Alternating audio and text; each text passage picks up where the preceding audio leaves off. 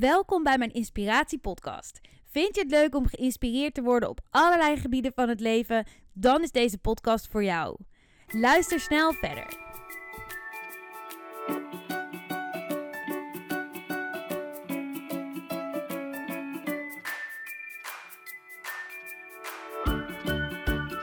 Leuk dat je luistert naar deze aflevering. Ik neem deze aflevering op op 31 december 2020, dus op de valreep van het oude jaar.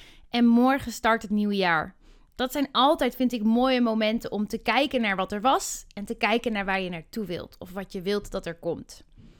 En iets dat ons daar ontzettend bij kan helpen, is ook te kijken naar hoe we onszelf dragen. Hoe is onze lichaamstaal? Hoe gebruiken we woorden? Hoe presenteren we onszelf? Nu denk je misschien, dat is allemaal leuk, maar waarom is dat zo interessant? Nou, je lichaamstaal bepaalt voor een heel groot deel hoe jij overkomt. En niet alleen naar anderen, maar ook voor jezelf. Dus hoe voel je je? En even een voorbeeld. Als je heel erg in elkaar geslonst gaat zitten en je ziet er verslonst uit, je hebt je huispakkie aan, dan kun je er de klok op gelijk zetten dat je je ook een stuk meer verslonst zult voelen. Misschien wat minder energie, wat minder vrolijk, wat minder pit. En het kan al veranderen door gewoon je make-up kwast op te pakken, wat make-up op je hoofd te smeren, mooie kleren aan te doen en tada, je staat er weer. Vol energie, je voelt je weer je goede zelf. Misschien ken je dit voorbeeld wel. Voor mij is het in elk geval wel zo. Als ik me helemaal bleu voel, dan helpt het ontzettend om me gewoon aan te kleden, mooi te maken. Ook al heb ik daar misschien helemaal geen zin in, en dan voel ik me al zoveel beter. Maar dit werkt niet alleen zo met make-up op je hoofd smeren. Het werkt gewoon in het algemeen. In het algemeen bepaalt onder andere onze lichaamshouding, maar ook de manier waarop we praten, de manier waarop we woorden gebruiken, bepaalt allemaal hoe we ons voelen en hoe we voor de buitenwereld overkomen. Ander voorbeeldje. Als we naar ons woordgebruik kijken, als we bijvoorbeeld heel erg veel woorden gebruiken waarin we zeggen: ja, is allemaal wel heel lastig, heel moeilijk. Is wel echt, dat wordt wel echt een grote uitdaging. Je hoort het niet alleen aan mijn woordgebruik, want je hoort het ook aan mijn toon. Want ik gebruik het woord uitdaging, maar als ik had gezegd: oh, dat wordt een grote uitdaging, dan hoor je enthousiasme en dan denk je, oh, dat vindt ze blijkbaar leuk dat die uitdaging er aankomt. Het maakt dus allemaal ontzettend veel uit. En niet alleen voor jezelf, want eigenlijk vertel je jezelf op die momenten echt, nou, dit is lastig, dit is moeilijk, ik weet niet of ik dit wel kan. Dat vertel je jezelf letterlijk. En je vertelt het ook aan de buitenwereld. Dus als je iemand bent die veel die woorden kiest, dan denken andere mensen ook: oh ja, ze vindt dat allemaal wel moeilijk en ze vindt dat allemaal wel lastig. Het komt natuurlijk minder krachtig over.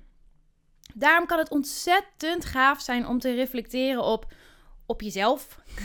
hoe, hoe draag je jezelf? Welke woorden gebruik je? Met andere woorden, wie ben je?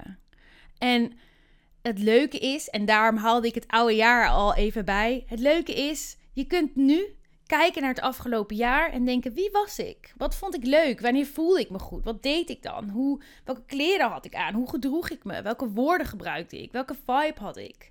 En Wanneer vonden andere mensen mij leuk? Daar zou je ook naar kunnen kijken. Hoewel ik altijd vind dat je uit moet gaan van jezelf en je eigen kracht. Maar je, je woont en werkt en leeft nou eenmaal met andere mensen op deze planeet. En regelmatig heb je wat met ze te maken. Dus het kan slim zijn om daar toch wel tactisch mee om te gaan. Hoe kom je over en welk gevoel geef je hun? Welke boodschap geef je aan hun over jezelf? En daar bewust mee om te gaan. Dus als je het leuk vindt om die uitdaging eens aan te gaan, probeer dan eens naar jezelf te kijken en probeer eens in te schatten hoe je daarmee omging het afgelopen jaar.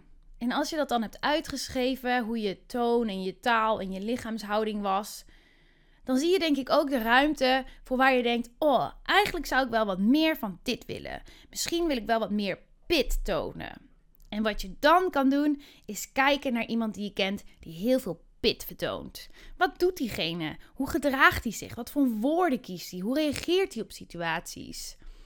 En al die informatie, die kun je dan beetje bij beetje integreren in je eigen dingen. En misschien voelt het een beetje onwennig en denk je, nou, maar dit ben ik toch helemaal niet. Nou, hier is een hele leuke TEDx over die ik graag met je wil delen. Die is van Amy Cuddy. En hij heet Je lichaamstaal vormt wie je bent. En ik vind het een fantastisch filmpje waarin ze wetenschappelijk onderbouwd laat zien: fake it till you become it. Niet alleen fake it till you make it, maar ze zegt doordat je je lichaamshouding gebruikt, bijvoorbeeld power poses. Ze geeft heel duidelijk aan power poses helpen als je in krachtige, overtuigende houdingen gaat staan, dan ga je je zo voelen. Nou, dat en veel meer tips geeft ze over hoe je je eigen zelf en je lichaam kan gebruiken om daarheen te gaan waar je heen wilt. Je hebt hier ook een um, theorie over met lachen. Het schijnt dus dat als je een minuut lang gewoon gaat lachen, ook al is het een neplach, dat je lichaam dat onderscheid niet kan maken. Dus je gaat je instant vrolijk voelen. Misschien als je je, ja, je binnenkort misschien wat minder vrolijk voelt, dat je het kan proberen. Het kan geen kwaad, toch? Wie weet ga je dan ineens super vrolijk voelen.